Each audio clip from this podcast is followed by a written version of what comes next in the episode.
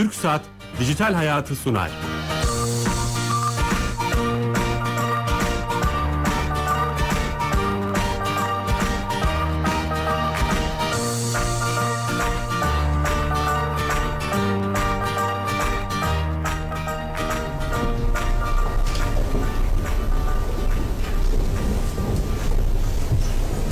Evet herkese merhaba. Ben Bilal Eren. Her cuma TRT Radyo 1 mikrofonlarında internet ve sosyal medyanın hayatımıza etkilerine değişik açılardan bakmaya çalışan programımız Dijital Hayat'a hoş geldiniz. Bugün 3 açıdan 3 farklı heyecanımız var. Bir tanesi her zaman 30 dakikalık yaptığımız programımızı 1 saat yapıyoruz. Çünkü çok özel bir yayın. İkincisi Ankara'dan canlı yayındayız. İstanbul stüdyolarındaki yerimizde değiliz. Ankara'dayız. Üçüncüsü belki bize en çok heyecanlandıran konuk etmeyi düşündüğümüzde acaba gelir mi, kolay kolay radyoya gelir mi diye düşündüğümüz ama bizi çok yanıltan Ulaştırma, Haberleşme ve Denizcilik Bakanımız Ahmet Arslan Bakanımız bizimle. Hoş geldiniz Sayın Bakanım. Efendim hoş bulduk. İyi yayınlar diliyoruz. Dinleyicilerimiz de umarım bu yayından keyif alacaklardır. İnşallah. Teşekkür ederiz. Ee, biz aslında e, e, iletişimin, internetin, haberleşmenin patronu olarak görüyoruz sizi. Böyle nitelendiriyoruz. Ee, kuralları koyan, Türkiye'nin iletişimine yön veren kişi olarak görüyoruz. O yüzden çok sorumuz var. Bir saat nasıl yeter diye e, düşünüyoruz. Ayrıca internetten de duyuru yaptığımızda birçok sosyal medyadan sorular geldi. İlk önce böyle şöyle kişisel bir soruyla ba- başlamak istiyorum izninizle. Şimdi e, biz e, hep böyle resmi, kuralları belli olan, adab-ı muaşereti belli olan iletişimden, yüz yüze, gazete, radyo iletişiminden, işte rütük var, e, e, yönetilebilir bir durum var.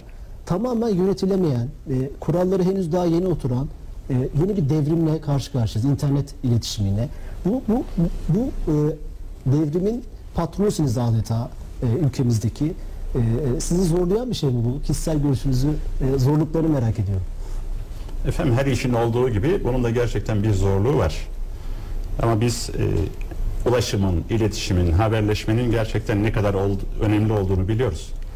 Elbette ki önemli, daha kabul gören mecraları var ancak e, radyoda bunlardan biri önemli bir mecra. Radyo yayına canlı olarak sizinle birlikte çıkmayı kabul etmemizin sebebi de bu. İlle izleyici olmak gerekmiyor. Dinleyici de var ve çok da önemli bir potansiyeli var bu alanın biliyorum. Dolayısıyla dinleyicilerimizi bilgilendirmek adına bir araya geldik. Tabi artık yeni bir mecra daha çıktı. Sanal dünya, internet alemi, internet dünyası dediğiniz gibi e, çok hızlı gelişen, çok hızlı değişen bir sektör. Kurallar koyuyorsunuz, düzenlemeler yapıyorsunuz.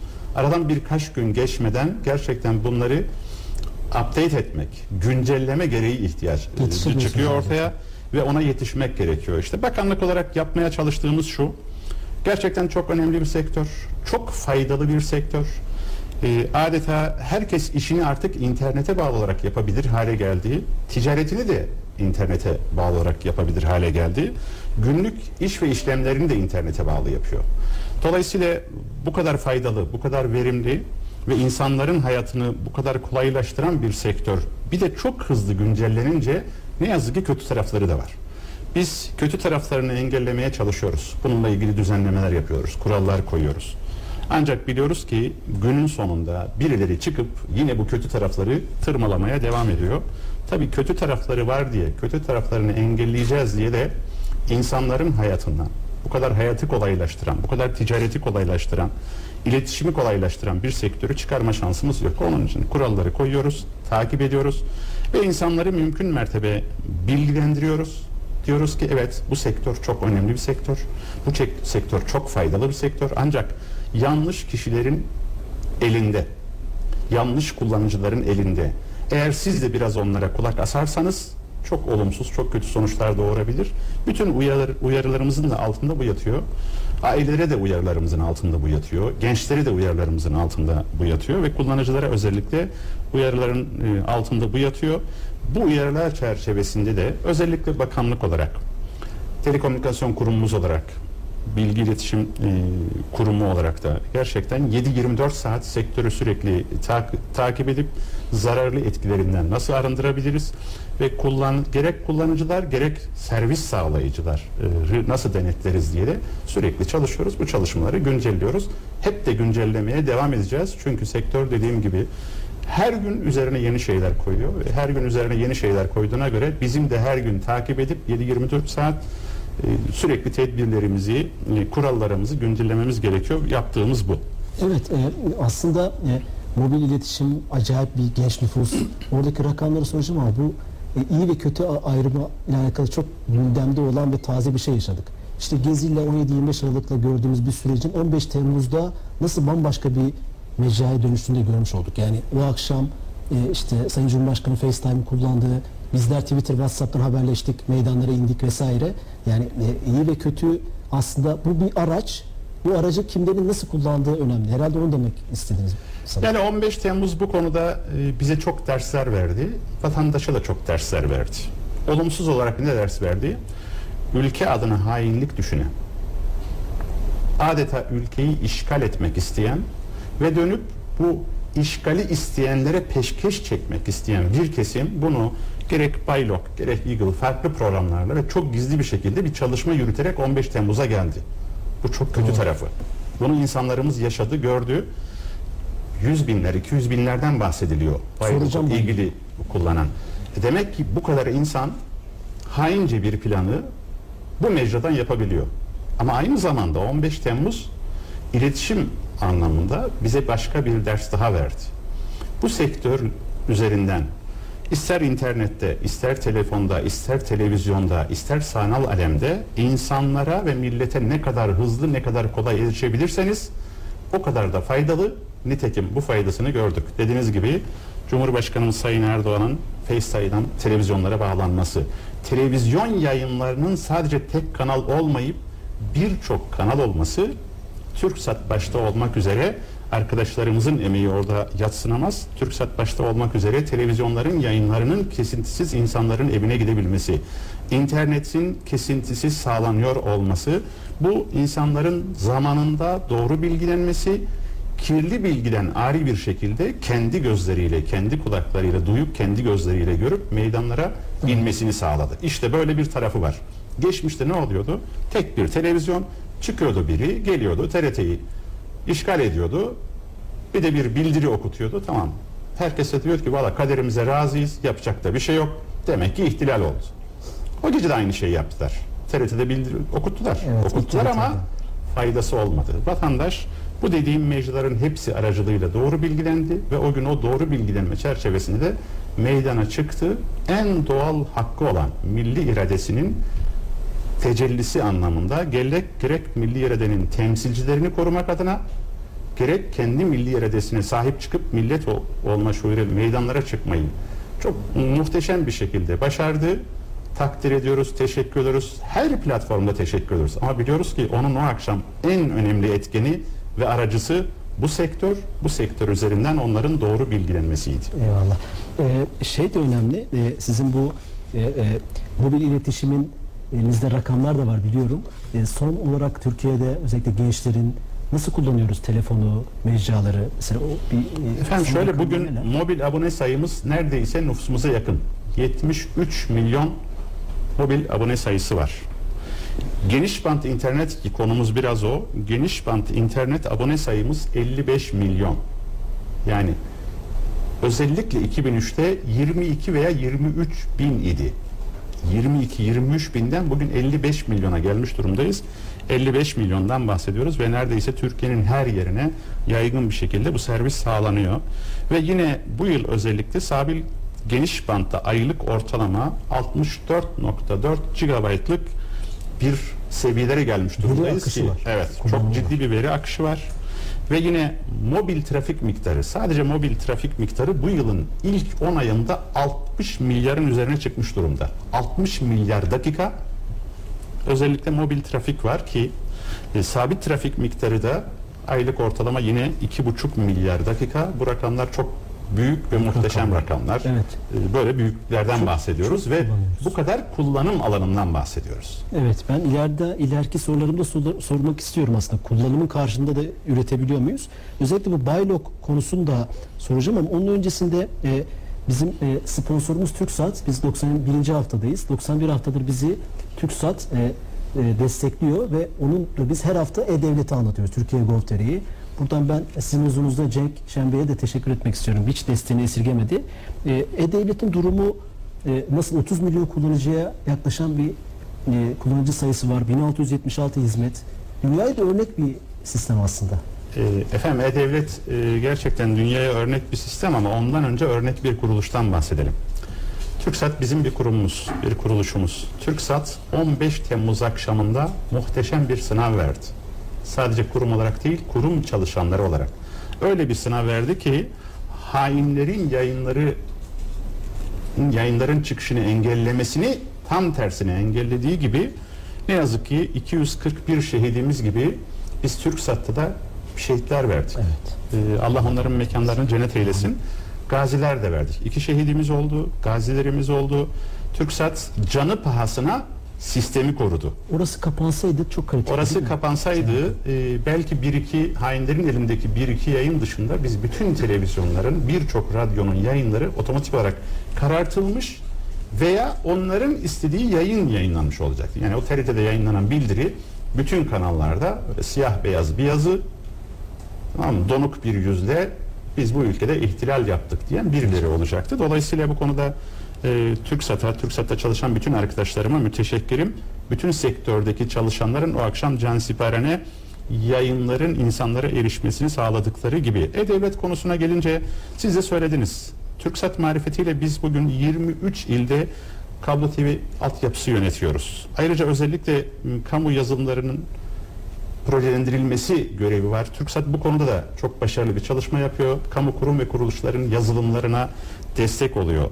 Mevcut uydularımıza ilave olarak yeni uydu projelerimiz var ki 5A 5B ile ilgili teklifleri aldık. Değerlendirme süreçlerimiz devam ediyor. İnşallah biz 2018'in sonunda 5 ayı 2019'un sonunda da 5B'yi e, uyduya göndereceğiz ki uydularımız marifetiyle bütün bu sistem dönüyor, çalışıyor. %100 bizim Bunun- olacak Sayın Bakanım? Ee, Bunu çok soruyorlar. Yok 5A 5B'den sonra özellikle 6A e, çalışmamız var ki orada TÜBİTAK'ta dahil birçok kurumla birlikte onu yerli yapmayı planlıyoruz. O çok çok önemli. E-Devlet'le ilgili siz rakamları verdiniz ama dinleyicilerimizin tekrar ve daha net bilmesi adına biz 1676 değişik hizmeti 30 milyondan fazla kullanıcıya 279 farklı kurum üzerinden ve 56 şehir 188 farklı belediye için hizmet veriyoruz. Ve bu Evet. konuda eriştiğimiz rakam 30 milyon. Bu çok önemli. Yeterli mi? Geldiğimiz nokta çok güzel. Ama sektörü ve faydasını düşündüğünüz zaman bunun çok daha artması gerekiyor. Bu e-devlet kullanımının daha da yaygınlaştırılması adına bütün kurumlarla çalışıyoruz. Daha hızlı, daha yaygın, daha kolay bir e-devlet kullanımı gerçekleştirmek adına da altyapıyı, yazılımları buna göre geliştiriyoruz. Bu çalışmalar devam Mesela ediyor ve şey konusunda çok teşekkür ediyorlar bize. Kredi Yurtlar Kurumu e, öğrencileri özellikle yurt e, kayıtlarının hepsini bu sene oradan yapmışlar. Efendim sadece yurt kayıtları değil, üniversite kayıtları, lise kayıtları artık eskisi gibi değil. Eskiden sınavı kazandığınızı duyuyordunuz. Hadi belgelerinizi koltuğunuzun alt- altına alıyordunuz. İşte hangi şehirdeki okulu kazanmış iseniz oraya yetişmek için koştura koştura gidiyordunuz. Allah korusun yolda bir aksaklık oldu, bir şey oldu, bir kaza oldu. Hadi kayıt tarihini kaçırıyordunuz. Şimdi öyle değil. Duyuyorsunuz. Sistem açıklanıyor. Açıklandığı gün evinizden oturarak kaydınızı yaptırıyorsunuz. Yurtlar için de geçerli, üniversiteler için de geçerli. Biz yakın zamanda Milli Eğitim Bakanlığı ile ortak bir e, protokol imzaladık. Bu konuda gerek açık liselere gerek diğer e, özellikle Anadolu liselerine de e, bu hizmetin yaygınlaştırılması ve insanların hayatını kolaylaştırmak adına e, çok güzel çalışmaları orada da yürütüyoruz. Bir de e, burada oluşan aslında müthiş müthiş bir bilginin belki yurt dışına da e, e, bunun satılması veya bu know-how'un paylaşılması. Örneğin geçen takip ettiğimizde TürkSat'tan arkadaşlar söylemişlerdi. Kuzey Kıbrıs Türkiye Cumhuriyeti'nde de e, devlet konusunda destek verilmiş veya biz yaptık orayı tam. Ee, Kuzey Nasıl olmak Kıbrıs. Türk Cumhuriyeti'nin e, e-devleti kullanabilmesi adına bütün alanlarda güzel bir işbirliğimiz var. Çok yoğun bir çalışma var. Kuzey Kıbrıs Türk Cumhuriyeti mesela artık nüfus cüzdanları elektronik ortamda verilebilir hale geldi. Bizden de. E-nüfusu, evet, e-nüfusu uyguladık. Ee, özellikle belge yönetimi konusunda çok güzel bir çalışma yaptık. E-Devlet'in diğer kurumlarda da kullanılabilmesi adına onlarla çok güzel bir işbirliği yapıyoruz. Sadece Kuzey Kıbrıs Türk Cumhuriyeti değil, bu tecrübemizi dünyanın birçok ülkesinde paylaşmak, onların sistemlerini kurmak, bu anlamda öncülük etmek adına da e, işbirlikleri yapıyoruz. Ee, yakın zamanda da bu haberleşme alanında birçok bakanla görüştüğümde bu konuda özellikle onların talepleri oldu. Biz de seve seve bu desteği verebiliriz dedik. Çünkü geçmişte biz bu bilgileri almak isterken birçok ülke cimrilik ediyordu. Bilgi paylaşımını istemiyordu. Biz öyle bakmıyoruz. Biz bilgiyi paylaştıkça, know-how verdikçe bunun devamında yeni talepleri dolayısıyla bizim için yeni fırsatları doğuracağını biliyoruz.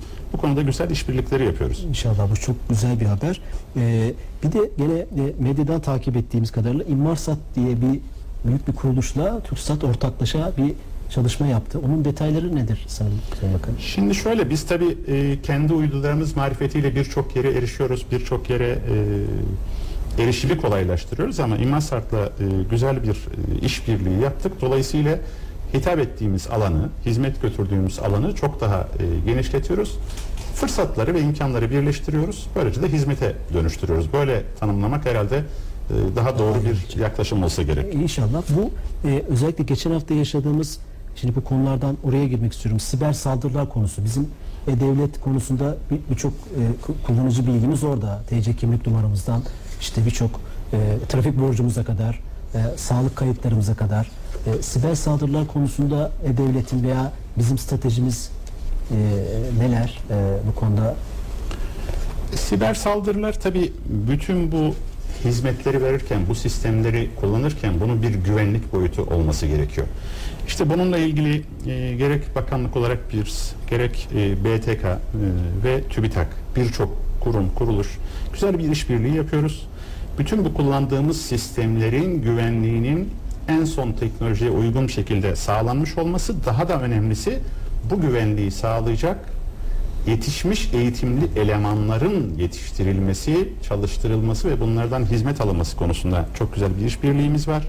Ve yine aldığımız yetki çerçevesinde özellikle kamu özel fark etmiyor. Hangi kurum olursa olsun herhangi bir yazılım kullanıyorsa bu yazılıma gelecek bir siber saldırı sonucunda sistem çökecek kullanıcısı veya sahibi mağduriyet yaşayacaksa bunların yaşanması milli ekonomiye olumsuz anlamda yansıyacaktır. Yansımaması için güzel bir işbirliğimiz var. Biz 7-24 onları da takip ediyoruz. Siber güvenlikle ilgili ve varsa bir açıkları anında onu uyarıyoruz. Varsa yeni bir saldırı, saldırının türü ve olası etkileri ne olabilir onu paylaşıyoruz. Bununla ilgili tedbirleri e, almasını sağlıyoruz. Doğrusu yakın zamanda buna ilişkin cezai müeyyide uygulama hakkımız ve yetkimiz yoktu. Öyle olunca da bazıları biraz kaderci davranıyordu. Bir şey olmaz canım. Bir şey olmaz canım değil. Söylemesi kolaydı ama olduğu zaman zararı çok büyük. Dolayısıyla onunla ilgili yeni bir yetki de aldık. Artık cezai müeyyide de yani yaptırım hakkımız da var. Dolayısıyla yaptırım hakkı da olunca sektör bu konuda biraz daha kendine çeki düzen verdi. Ee, siber saldırılar özellikle son dönemlerde çok çok yoğunlaştı. Dünyanın her yerinde olduğu gibi bizde de aşağı yukarı iki buçuk kart arttı. Biz de tedbirleri buna mukabil habire artırıyoruz ki e, kullanıcılar ve insanımız bu konuda mağdur olmasın. Evet bu konuda bir farkındalık da oluşması hem bireysel kamu, kamu olarak. Aslında bu siber saldırılardan bir önce konu ettiğimiz 15 Temmuz'u konuşurken e, işte bu FETÖ'nün kullandığı Baylok Eagle gibi bu konuda çok soru geliyor. E, kafalar biraz karışık. E, bu konuda ne- neler söylersiniz? Yani tesadüfen yüklenmiş olabilir mi bir telefona?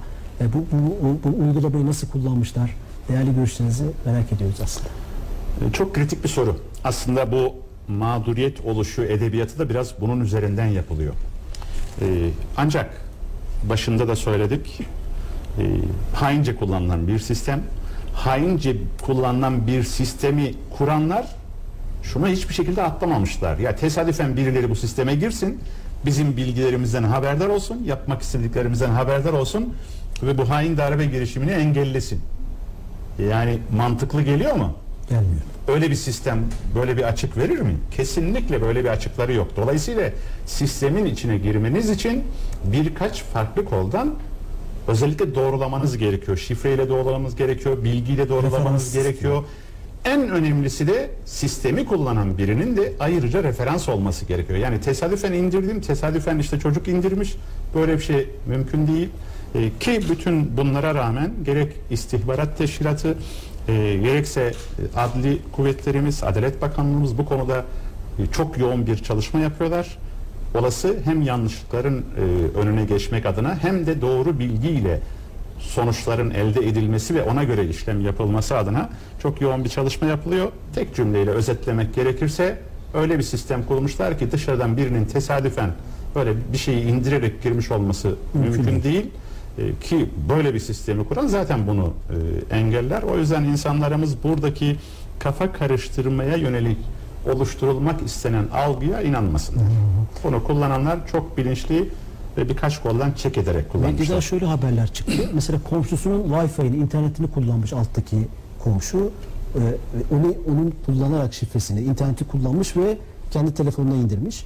Tabii e, bu gittiği zaman teknik yerlere sizin IP numaranız gözüküyor. Mesela böyle mağduriyetler medyaya yansıdı. Yani bunu bile düşünecek kadar ileri gitmişler ama siz onu kullan, indirseniz bile içeriye dediğiniz gibi referansla konuşmaya başlıyorsunuz vesaire. Kabul edin ki böyle. Sizin birileri Wi-Fi'niz girdi ve sizin IP numaranız gözüküyor. Böyle olduğunu kabul edin.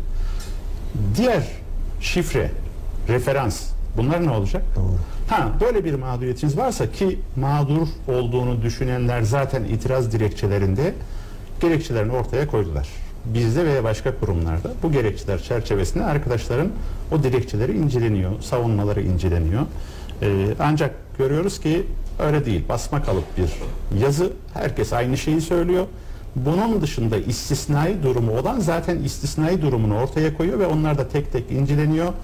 Velev ki böyle bir yanlışlık var ise o zaten düzeltilir. Yani böyle e, sadece ondan kaynaklı kişilerin mağdur olması söz konusu değil. Evet bir o medyada konu e, geçen haberde zaten BTK'ya başvuru yapmış ve gerçek durumu ortaya çıkmış ve düzeltilmiş tekrar iade edilmişti öğretmen görevine. Yani o, o, o tip örnekleri var. Artı kurum kuruluşlar bu veriler geldikten sonra başvuruyorlar. Diyorlar ki böyle bir savunma mekanizması var. Bu savunmada geçen şu bilgi doğru mudur? Bizden bilgi istiyorlar. Biz de o bilgiyi veriyoruz. O bilgi söylenenle örtüşüyorsa, teyit ediyorsa kurumlar da ona göre işlem yapıyor. Aslında bu Baylok veya işte Eagle örneklerinden çıkacak olursak terör örgütleri e, işte illegal işler yapanlar dijitali çok iyi kullanmaya çalışıyorlar. Belki bu işte başıboşluktan veya kuralsızlıktan dolayı bilmem katılır mısınız buna? Hep öyle dünyada da örneklerini görüyoruz. Efendim kuralsızlık demeyelim. Aslında kuralları var ama sistem geliştikçe e, insanlar farklı şekillerde kullanabiliyorlar. Farklı bilgileri e, kullanıcıları da yanıltmak adına devreye sokabiliyorlar. Ama gelmek istediğim nokta e, aslında başka bir şey. Bu sektördeki kullanıcıların özellikle sanal, sanal alemdeki kullanıcıların çoğu şöyle bir yanılgıya düşüyor. Sanki normal hayatta, real hayatta suç olan bir şey internet üzerinden, sanal alem üzerinden yaptığınız zaman suç değil. Halbuki böyle değil. Herhangi bir işlem, herhangi bir eylem normal hayatta nasıl bir karşılık görüyorsa suç olarak olabilir, adab-ı muaşeret olabilir. Siz baştan söylediniz.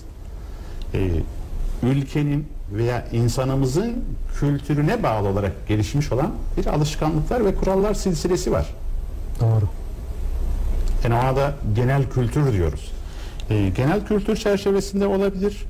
Her ne nasıl bir karşılık buluyorsa ister ayıplama anlamında bir karşılık bulsun, ister suç anlamında bir karşılık bulsun. Sanal alemde yapılanların hepsinin karşılığı aynıdır. Sadece şöyle var. Bizimle ilgili de zaman zaman sanal medyada bir sürü karalayıcı, iftira atıcı şeyler oluyor. Biz her biriyle ilgili dava açmaya kalksak, her birinin üzerine gitsek yani herhalde tazminattan zengin oluruz. Böyle yapmıyoruz. Biz böyle yapmayınca da kullanıcı zannediyor ki ben yaptım, bu da fark etmedi. Ya da zaten yapabileceği bir şey yok. Hayır. Takip yapabileceğimiz çok şey var. Evet. Ee, gerektiğinde takip de ediyoruz. Bilsinler ki takip de ediliyor. Ee, aşırı olmadığı zaman belki bir tepki göstermiyoruz veya muhatap olan tepki, taraf tepki göstermiyor ama kesinlikle cezai müeyyidesi normal hayatta her neyse sanal alemde de odur. Lütfen buna dikkat etsinler. Buna dikkat edilmediği için de bir bilgi kirliliği var. O zaman takip eden, bunu kullanan, bu kirli bilgiyi yükleyen değil de kirli bilgiyi, yanlış bilgiyi, yanlış işlemi okuyan diyor ki ha bununla ilgili bir şey yapılmadığına göre demek ki bu sektörde ne yaparsan mübah, kabul edilebilir. Hayır, öyle değil. Ne yaparsan yap bir karşılığı var ve günün sonunda karşılığı bulanlar, ceza alanlar da sanal medyanın duyulmadığı için zannediliyor ki cezasız kalıyor. Hayır, birçok şey e, karşılık buluyor, ceza alıyor ancak cezalar tekrar yansımadığı için de insanlar cezasız ve karşılıksız kalıyor zannediyor. Bence bu konuda Öyle düşünmemek lazım. kesinlikle böyle düşünmemek lazım. Ee, bunun böyle olduğunu bilip e, hiçbir şekilde de bu anlamda yanlışa tevessül etmesin ki bu kadar verimli ve bu kadar faydalı bir mecrayı insanlar faydalı olarak kullanmaya devam devam etsin. Ve e, yeni yazılımlar, yeni sistemler kuranlar da faydalı olduğunu düşünerek bunu daha da e, fazla kullanılabilecek, daha da fazla yararlı olabilecek şekilde yazılımlar ve sistemler geliştirsin. Aynen öyle. Bu söylediğinizde belki ilk olarak çok güzel bir e, motto okumuştum. E, yanımda söyleyemediğini dijitalde söyleme. Aslında belki çok güzel bir e, e, slogan olabilir. E, buradan e, şunu sormak istiyorum. Reklamdan önce son e, sorum. Özellikle bu e, dünyada da örneklerini görüyoruz. Bazı toplumsal olaylarda, e, bazı güvenliğimizin, ülke güvenliğinin ön planda olaylarda interneti yavaşlatma, interneti e, bazı e, bölgelerde lokasyon olarak yavaşlatma gibi tedbirler alıyorsunuz. Evet. E, bu bazen eleştiriliyor, bazen de e, çok olumlu bulunuyor. Bu konuda başka bir pencere olabilir mi? Sizin kişisel görüşünüzü de hani ben merak ediyorum. Ee, şöyle tabii iyi niyetli kullanıcı bu uygulamadan olumsuz etkilenince haklı olarak isyan ediyor. Diyor ki ya niye bu uygulamadan kaynaklı benim işlerim aksıyor, etkileniyor. Ama o iyi niyetli kullanıcı şunu unutmasın. Kötü niyetli kullanıcılar ki bir 15 Temmuz çok iyi bir örnektir. Kötü niyetli kullanıcılar ülkemizin bekasına ve geleceğine halel getirecek eylemler ve işlemler yapıyorlar.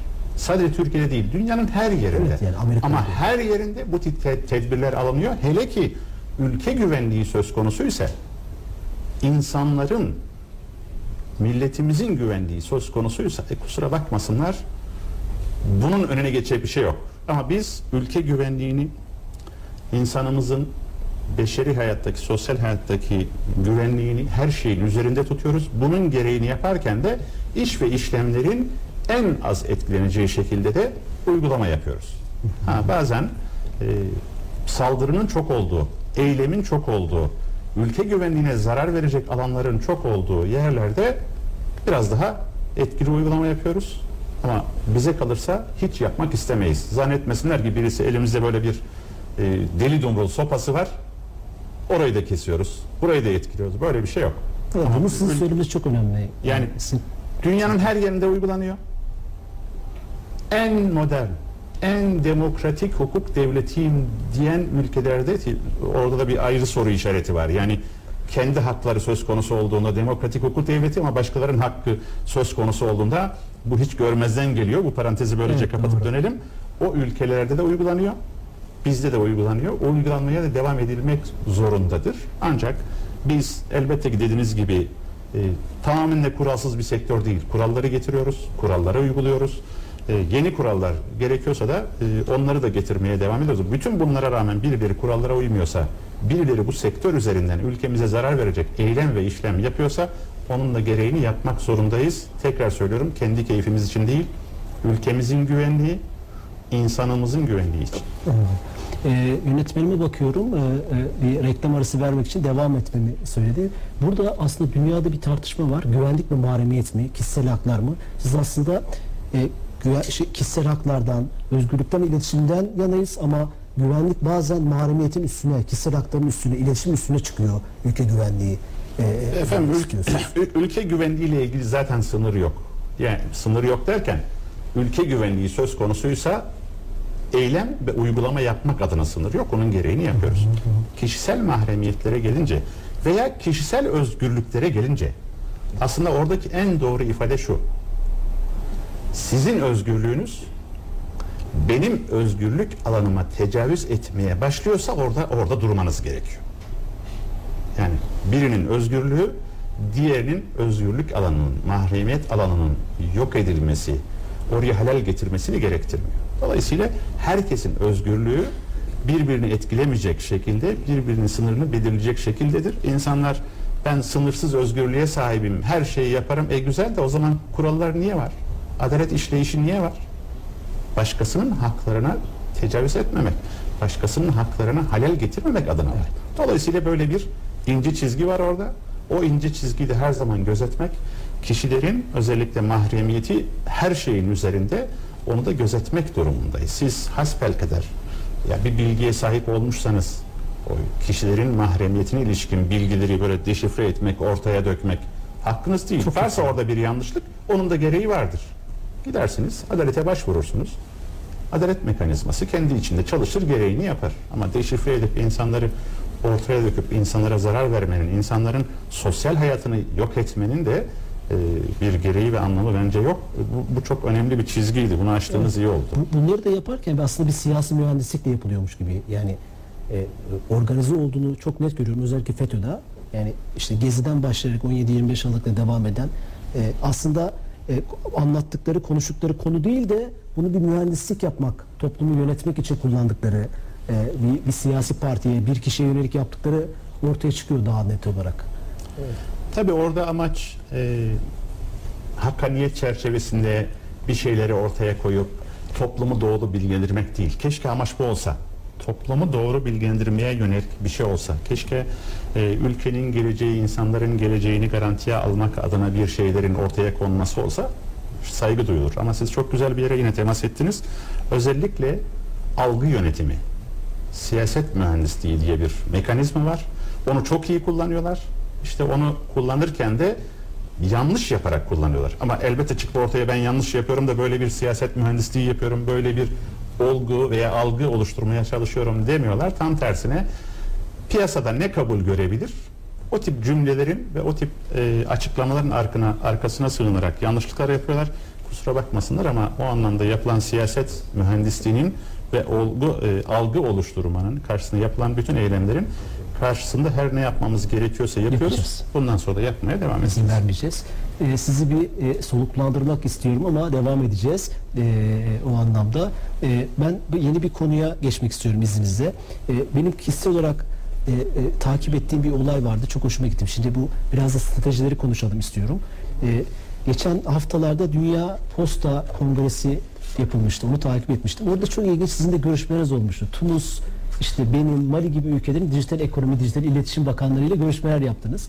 Belki bu bağlamda hani e, Türkiye'de de sizin bakanınızın birinde dijital iletişimle alakalı bir birim hani hep konuşuyoruz ya öyle bir birime ihtiyaç var mı? Sizin görüşünüz nedir?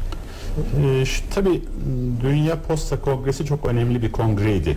Ee, özellikle 15 Temmuz e, hain darbe girişiminden sonra ülkemizde 192 ülkenin e, yaklaşık 2500 katılımcıyla e, katıldığı çok önemli bir kongre ge- gerçekleştirdik. Yüzümüzün akıyla da çıktık. Bundan sonraki 4 yıl boyunca da Dünya Posta Kongresi'nin yönetimi artık daha doğrusu teşkilatın, Dü- Dünya Posta e, teşkilatının, e, UPU dediğimiz teşkilatın başkanı artık Türkiye. Biz olduk. E, biz olduk. Çok önemli ve yine e, 4 yıl boyunca dünyada posta sektöründe her ne konuşulacaksa İstanbul stratejisi adı altında konuşulacak. Yani İstanbul 4 yıl boyunca 192'de iki ülkede hep konuşulur halde olacak. Bu çok önemli. Orada tabii bu sektörden sorumlu yaklaşık e, 31-32 tane bakan e, 20'nin üzerinde de bakan yardımcısı geldi. Biz 50'nin üzerinde bakan ağırladık. Her biriyle de konuştuk. E, bu sektörün ne kadar önemli olduğunu onlar da biliyor. Biz de konuşuyoruz. Az önce siz başka bir soruda sormuştunuz. E, bu anlamda da bizim şu ana kadar elde ettiğimiz bir tecrübe, e, bir bilgi var, bir e, sistem var diyelim. Bu sistemin o ülkelerle de paylaşılması, bunun ülkemiz adına hem katma değere dönüştürülmesi hem o ülkelerin de dijital hayatı, e-devlet de dahil dijital hayatlarını kolaylaştırma adına inşallah birlikte çalışmalar yapacağız. E, dediğiniz önemli ama öyle ille bir daire, ille bir birim adı altında tanımlam- tanımlamaktan ziyade zaten bakanlık olarak bu sektörün içindeki birimlerimiz zaten bunun gereğini yapıyorlar. Belki her birinin bir kısmı işte bir, bir kısmı BTK marifetiyle yapılıyor. Bir kısmı Haberleşme Genel Müdürlüğümüz marifetiyle yapılıyor. Ee, diğer e, özellikle BTK'nın düzenlemeleri çerçevesinde e, bu sektördeki kurumlar zaten kendi payına düşenleri yapıyorlar. E, ama çok daha değerli toplu, tek elde toplanması daha verimli olacaksa da zaten bizim gerek e, siber güvenliğe yönelik, gerek e-devlete yönelik e, oluşturduğumuz 4 yıllık bir eylem stratejisi de var ülke olarak. Bu eylem stratejisi çerçevesinde e, hem kurumların kendilerini yenilemesi hem sistemin günün ihtiyaçlarına bağlı olarak kendilerini yenilemesi e, çerçevesinde bunun gereğini yapıyoruz. İnşallah. Bunda bir sıkıntı yok inşallah. İnşallah. Şimdi sizi bulmuşken soruları boca ettik. bir, bir nefes almanızı istiyoruz, ara vermek istiyoruz. E, dinleyiciler e, kısa bir reklam arasından e, Sayın Bakanımızla sohbetimize devam edeceğiz.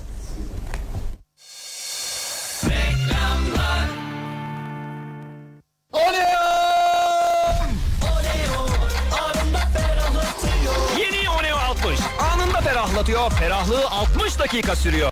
Iveco Daily'lerde yıl sonu kampanyası. 24 bin lira 24 ay ve 0 faiz. Özel fiyatlar için en yakın Iveco yetkili satıcısına bekliyoruz. Disney Collection Türkiye'de ilk kez ve sadece Teknosa'da. Tişörtten kostüme, peluş oyuncaklardan sırt çantalarına ve kırtasiyeye kadar aradığınız yüzlerce çeşit Disney Collection ürünü 29 lira 90 kuruştan başlayan fiyatlarla. Ayrıntılı bilgi Teknosa mağazaları ve teknosa.com'da.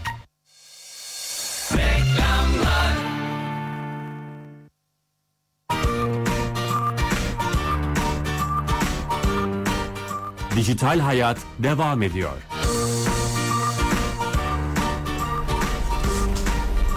Tekrar beraberiz TRT Radyo 1 mikrofonlarında. Çok heyecanlıyız. Yeni açan dinleyicilerimiz için tekrar etmekte fayda var. Ulaştırma, Denizcilik ve Haberleşme Bakanımız Ahmet Arslan Bey'i e, radyomuzda, programımızda, dijital hayat programımızda konuk ediyoruz. İlk bölüm çok e, hızlı ve hareketli geçti. Çok soru sorduk. E, kendisi de çok içtenlikle cevap verdi. E, aslında son bölümde bir şey soracaktım ama bir ara vermek istedim. Türkiye Uzay Ajansı. Bunu da medyadan çok takip ediyoruz. Böyle bir soru da var. Türkiye uzayda ne zaman olacak diye soran bir izleyicimiz, dinleyicimiz olmuş. Ee, ne dersiniz Sayın Bakanım? Tabii e, değerli izleyicilerimize tekrar saygılarımızı iletelim. Bilal hocam hoca olma hasebiyle hazır konuğu bulmuşken böyle bir e, öğrenci edasıyla bizi sıkıştırıyor soruları peş peşe veriyor ama teşekkür ederiz. E, eminiz ki siz soruları dinleyicilerimizin aklından veya daha önce size ilettiği sorular e, içerisinden seçerek ve onların doğru bilgilenmesi adına soruyorsunuz. Bu konuda müteşekkiriz, teşekkür ederim. Tabii özellikle Türkiye'nin e, uzayda olması, e, daha fazla olması ve daha değerli toplu olabilmesi adına bir e, Türkiye Uzay Ajansı kurumunun kurulması ihtiyacı e, öteden beri özellikle e, Başbakanımızın Ulaştırma Bakanlığı döneminde çalışmalar başlatıldı. Bu konuda dünyadaki örnekler seçildi. Japonya'ya, Kore'ye, Amerika'ya, Fransa'ya, İngiltere'ye e, benzer kurumlar olan yerlerdeki kurumların işleyiş, işleyişleri, eksikleri, fazlaları, faydaları e, irdelenerek bir çatı sistem kuruldu. E, bu konuda da biz çalışmayı bitirdik. E, diğer bakanlıkların görüşlerini aldık. Uzay Ajansı kurumunun kurulması ile ilgili artık Bakanlar Kurulu'na götüreceğiz. Bakanlar Kurulu'nda da inşallah tartıştıktan sonra e, hükümet tasarısı haline e, getirerek meclise götüreceğiz ve bu yasama e, döneminde de inşallah e, çıkaracağız. E, Uzay Ajansı'nın kurulmasıyla birlikte hem bu alandaki işleri daha verimli, daha değerli toplu yapmak adına hem dünyada uzay aşın, aza- uzayda da Türkiye'nin daha fazla söz sahibi olabilmesi ve buradan fayda ve katma değer oluşturması adına da güzel bir e, çalışma olacak. İnşallah yakın zamanda kurumu ülkemize kazandırmış olacağız. Yeni yasama yılı 2016-2017. Tabii başladı yeni yasama yılı malumunuz. E, Bu yasama yılında inşallah, İnşallah. e, çıkaracağız. Bu Evet. Çok önemli bir haber bizim için. Şimdi aslında biraz haberleşme iletişimden e, diğer başlığa belki en önemli başlıklardan biri ulaştırma başlığına geçelim istiyorum son e, kalan vakitte. Şimdi müthiş projeler var. Köprüler açılıyor, hava yolları açılıyor. Ben sizi Twitter'dan takip edemiyorum. Tüneller vesaire. Türkiye adeta böyle bir şantiye alanı gibi. E, bu projelerden konuşalım e, istiyorum izninizle.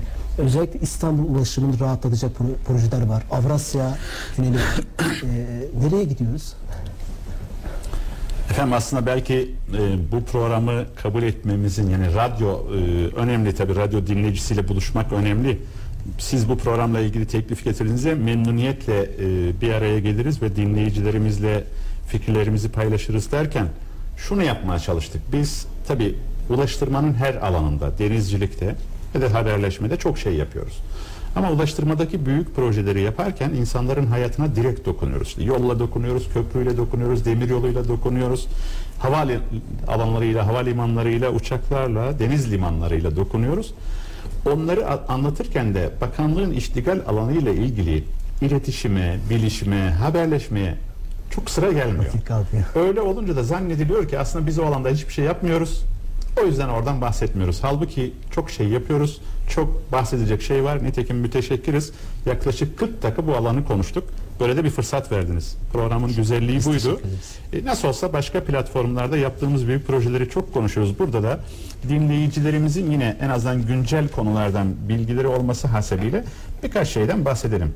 Tabii biz e, özellikle Avrupa ile Asya arasında köprü konumdaki bir ülkeyiz. Biz istiyoruz ki ülke bu anlamda ulaştırma koridorların her alanda ama karayolu, demiryolu, deniz yolu, havacılık bu alanlarda ulaştırma koridorlarını tamamlasın. Bunların hepsi birbiriyle entegre olsun ve ülke buradan burada çok büyük bir pasta var şimdi dünyada. Çok ciddi bir ticaret hacmi var taşımacılıkta. Buradan kendine düşen payı alsın. İşte bunun için büyük projelerin hepsini bu fotoğrafın parçalarını tamamlamak şeklinde yapıyoruz. Yani insanlar İstanbul'da bir proje yapılırken sadece İstanbul'un faydasına gibi düşünür ama öyle değil. Yavuz Sultan Selim Köprüsü'nü açtık mesela 26 Ağustos'ta. Evet İstanbulluların İstanbul'un trafiğini rahatlatmak adına, İstanbulluların yaşamını kolaylaştırmak adına yaptık bu projeyi ama ülkemiz geneli açısından düşünürseniz Avrupa ile Asya'yı kesintisiz hale getiren bir koridorun parçasını tamamladık. İşte Marmaray projesini yaptık. Yine İstanbul'un hayatını kolaylaştırdık ama Marmaray özellikle Avrupa'dan gelen trenin denizin altından geçerek ve inşallah önümüzdeki yıl başında bitireceğimiz Bakü Tiflis Kars'ı da kullanarak uzak doğuya kadar Orta Asya'ya gidebilmesi ve o koridorun tamamlayıcısı olarak yaptık. Çünkü bunların üzerinden geçen her tren ülkemize bir para veriyor. O tren Türkiye'den yeni bir yük alıyorsa bir katma değer oluşturuyor. Bunların hepsi büyük fotoğrafın tamamlayıcıları. Osman Gazi Köprüsü'nü yaptık. 30 Haziran'da açtık. Hakeza sadece işte Kocaeli'ni Yalova'ya bağlamadık. Yani İstanbul, Kocaeli, Bursa, Balıkesir, Manisa, İzmir bütün bu illeri birbirine çok daha hızlı bağlamış olacağız ama bağlamanın ötesinde de yani insanların araç kullanarak günlük hayatının kolaylaşmasının dışında da o bölgelerde ekonomi ve ticaretin çok daha kolay, çok daha rahat yapılabilmesi, ülkemize katma değer oluşturması adına da mesela o projeler çok önemliydi. Yine yaptık. Ve inşallah e, yarın çok değil. Yarın ülkemiz özellikle yüksek hızlı trende, trende Avrupa'nın 6. dünyanın 8. yüksek hızlı trene sahip ülkesi. Ve 7 ilimiz şu an yüksek hızlı treni kullanıyor. Ankara kullanıyor, Eskişehir kullanıyor, Bilecik, Konya. İstanbul, Konya kullanıyor. Bunların hepsi birbirine e, bağlanıyor. E, ve bunların taçlanma noktası bir gerçekten modern havacılıkta kazandırdığımız gibi bir terminal ihtiyacı vardı. Ankara'da Hemen- açılacak sanırım. Ankara'da yarın yüksek hızlı tren garı açılıyor. Çok muhteşem bir şey. Ee, Ankara'ya değer katacak ve insanların yeni yaşam alanı olacak bir tesis kurduk. Sadece yüksek hızlı tren yolcuları değil. Onları karşılayanlar, onları uğurlayanlar gelecekler. İsterse 3 saat öncesinden gelsin. Orada bir yaşam alanı var. Yaşayacak. Sonra yolculuğunu yapacak veya yolcusunu karşılayacak, gidecek. Onu inşallah Sayın Cumhurbaşkanımızın katılımlarıyla yarın saat 15'te açıyoruz. Yüksek hızlı tren garı. O bile kaç liralık bir şey biliyor musunuz? 235 milyar dolar, milyon dolarlık bir projeden bahsediyoruz. Çok büyük bir rakam. Yani bu rakamlar artık bize küçük gelmeye başladı. Bir yaşam Ee, alanı aslında. Yaşam alanı günde 50 bin yolcunun yolculuk yapabileceği bir e, gardan bahsediyoruz. İnşallah onu açıyoruz. Onunla da yetinmiyoruz. 20 Aralık'ta Avrasya Tüneli'ni açacağız ki o da dünyanın enlerinden biri deniz yüzeyinden 106,5 metre daha derinden giden otomobillerin kullanabileceği bir tünel açmış olacağız. 20 Aralık'ta inşallah insanlarımızın hizmetine sunacağız. Yaşamlarını kolaylaştıracağız. Anadolu yakasında oturan biri olarak heyecanla bekliyorum o tüneli. Evet o tünel e, Anadolu yakasında oturanlar için de çok önemli ama İstanbul dünyanın incisi e, tarihi yarımadadaki trafik hareketini tarihi yarımadaya en az zarar verebilecek şekilde hemen denizin altından karşıya geçireceğiz. Öyle de bir özel anlamı ve önemi var ve gerçekten bu konuda daha başlarken birçok ödül aldı dünya çapında. O da yetmiyor. İstanbul'da yeni bir havalimanı yapılıyor. Herkes biliyor. Muhteşem bir şey olacak. İnşallah o da ülkemizin ekonomisine çok daha e, ilave katkılar sağlayabilecek havacılık sektöründen kaynaklı ülkemiz ciddi gelirler elde ediyor. İnşallah o marifetiyle de ciddi gelirler elde edecek ve hemen iki gün önce biz Çanakkale Köprüsü'nün ihalesine çıktık. Çanakkale Boğazı'nın üzerinde yapacağımız 1915 Çanakkale ismiyle köprü ki dünyanın ayak açıklığı en geniş köprüsü olacak. 2023 metre Cumhuriyetimizin 100. yılından önce hizmete sokmaya çalıştığımız ve 100. yılın 2023 ile de sembol olarak örtüşen bir ayak açıklığı olacak. Bu da çok önemli bir proje. İhalesine çıktık. Ocak'ta inşallah tekliflerini alacağız. 26 Ocak'ta. Onu da 18 Mart'ta kazmayı vurup hizmete sokmaya çalışıyoruz. Ben az önce Marmaray'dan bahsederken Bakü Tiflis Kars'tan da bahsetmiştim. Önümüzdeki yıl başında inşallah Bakü Tiflis Kars demir yolunu hizmete sokacağız. Sadece projeyi düşündüğünüz zaman kısa bir proje. 76 kilometrelik bir proje. Çok basit gibi algılanabilir ama özellikle Avrupa Asya arasındaki demir yolunun eksik bir halkası vardı. Halkayı tamamlıyoruz.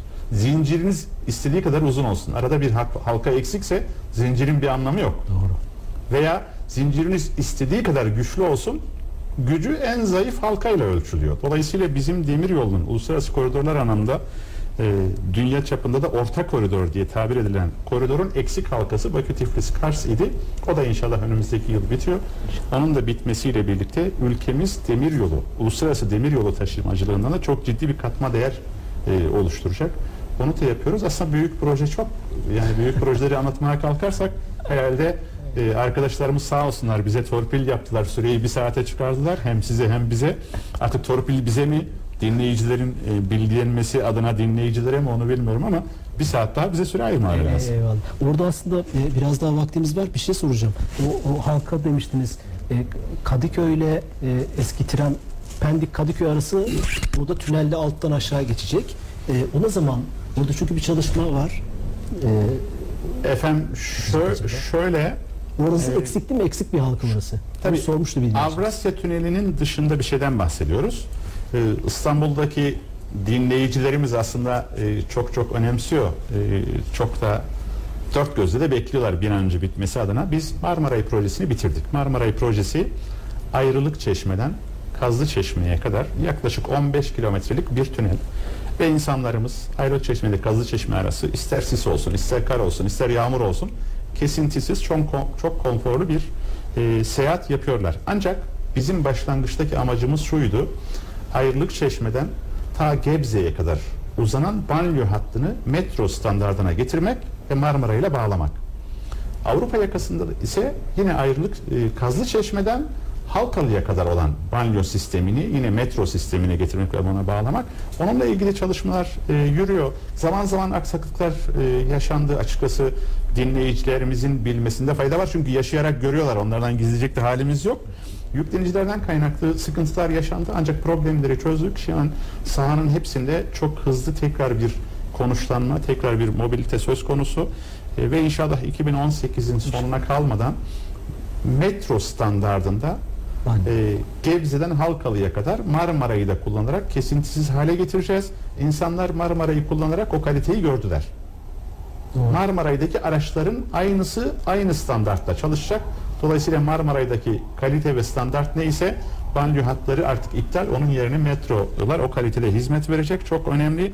Çünkü onlar da devreye girdiğinde sadece Marmaray ve bu Gebze Halkalı hattı günde 1 milyon kişiye hizmet edecek ki e, çok önemli bir e, proje. E, onun da cevabını böylece vermiş olalım. Metrobüsün de yükünü almış olacaktır. Hani öyle bir tartışma var ya. O, Tabii bütün bunları yaparken açıkçası metrobüsün yükünü alalım, başka bir raylı sistemi yükünü alalımdan ziyade biz toplu taşımayı ne kadar kolaylaştırır? Diğer raylı sistemlerle entegre eder şehrin her yerine erişimi ne kadar kolaylaştırır isek insanlar o kadar toplu taşımayı tercih edip özel araçlarıyla çıkmaz. Onun faydası ne? Bir, zaman tasarrufu. İki, özellikle yakıt tasarrufu bizim için çok önemli. E, zararlı gaz, karbondioksit veya işte sera gazı salımını anlamda e, gaz emisyonunu azaltmış olacağız. Böyle bir faydası olacak. E, e, trafikte saatler geçiriyorlar. Onun yerine e, onu zaman olarak tasarruf etmiş olacaklar. Eskiden zamanın çok önemi yoktu ama artık vakit günümüzde nakit.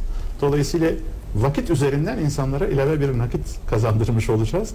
Öyle de bir faydası olacak. Elbette ki metrobüs de diğer raylı sistemlerle birlikte toplu taşımayı teşvik etmiş olmak istiyoruz. Yaptığımız ve yapmaya çalıştığımız bu. İnşallah. Bir radyo dinleyicimiz radyo olduğu için sormuş. Çamlıca'da yaptığınız radyo kulesi ile alakalı bir şey sormuş. Onu da size iletmek istedim. Bu da bütün radyo vericilerini tek yerde toplamak sanırım amaç. Efendim süren. değerli dinleyicimize çok teşekkür ediyoruz. Dediğiniz doğru. Eee, iletişimi, haberleşmeyi ve özellikle radyoyu konuşurken eee, çok önemli bir konu. Biz Çamlıca'da eee, bütün televizyonların, radyoların eee, toplanacağı Orada bir ciddi anten ve anten kulelerinden kaynaklı çok ciddi kirlilikler var. Böyle bir adeta demir yığını görüyorsunuz. İstanbul'un en güzel, en prestijli yeri ister Büyük Çamlıca'yı ister Küçük Çamlıca'yı düşünün. Bir görüntü kirliliği ne haiz ve böyle bir fotoğraf veriyor. Onu değiştirmek adına e, muhteşem bir kule yapıyoruz. Niye muhteşem diyorum? E, yaklaşık 220 metrelik betonarme kısmı olacak. Üstünde bir 100, 130, 140 metrelikte ilave kuleler sistemi olacak. 370 metre yüksekliğinde bir yapıdan bahsediyoruz. Seyir terasları olacak. Döner kule olacak. Restoranlar olacak. Adeta İstanbul'un simgesine, simgelerine yeni bir simge daha eklemiş olacağız. Görsel olarak İstanbul'a böyle bir değer katacağız. Ve o kuleye çıkanlar ister döner kuleyi kullanıp ister restoranda yemeği yerken İstanbul'un her tarafını 360 derece dönerek görebilecekler.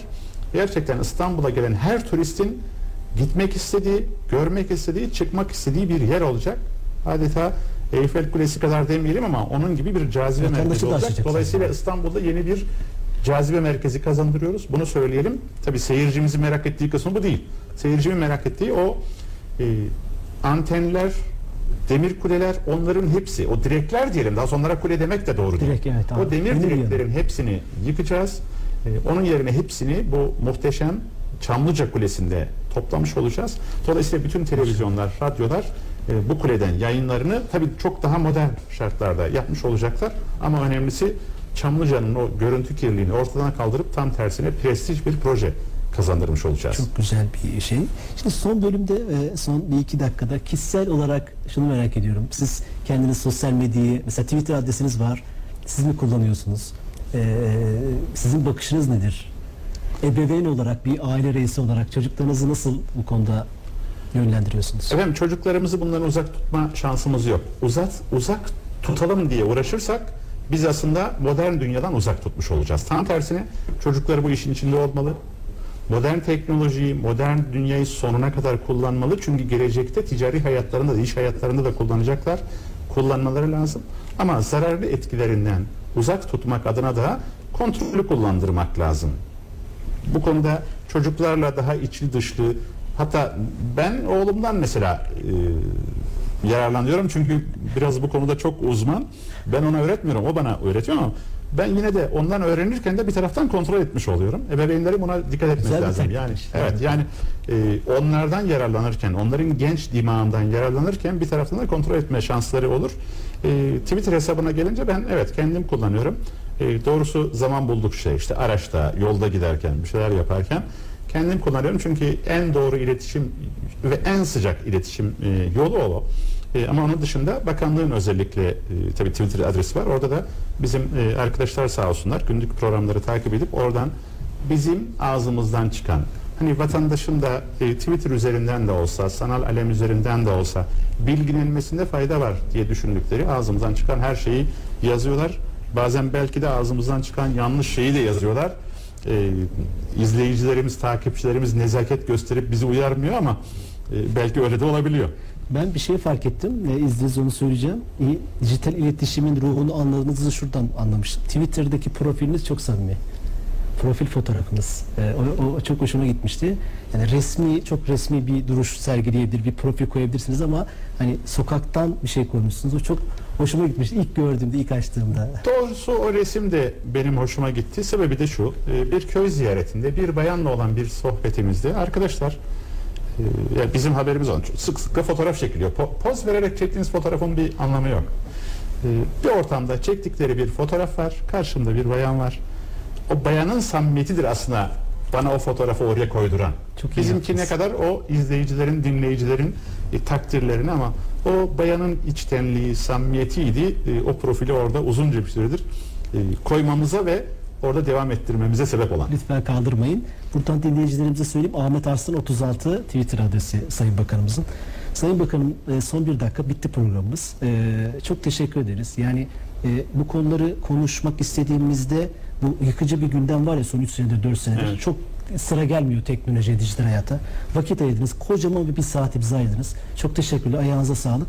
Desteklerinizi her zaman bekliyoruz programımıza. E, Evet. Çok sağ olun. Efendim e, hayatın olmazsa olmazı bir alandan bir mecradan bahsediyoruz. Evet televizyon izleyicisi var ama biliyoruz ki ondan daha önemlisi ve daha geçmişe e, dayalı bir kökü olan radyo dinleyicisi var. O yüzden ben memnuniyetle hem bu programa katılmayı hem dinleyicilerle buluşmayı istemiştim. E, Umarım onları sıkmadan doğru bilgilendirmişlerdir, e, bilgilendirmişizdir diye düşünüyorum. Hepsine saygılarımı, selamlarımı ve mutluluk dileklerimi iletiyorum. Sağ olun. Çok şeref verdiniz. Teşekkür ederiz. Evet sevgili dinleyiciler programımızın sonuna geldik. Bugün Ulaştırma Haberleşme ve Denizcilik Bakanımız Sayın Ahmet Arslan'ı konuk ettik. Türksel, Çok samimi güzel bir sohbet oldu. Haftaya yeni bir konu, konu ve konuklarla her cuma saat 15'te tekrar beraber olacağız. İyi hafta sonları.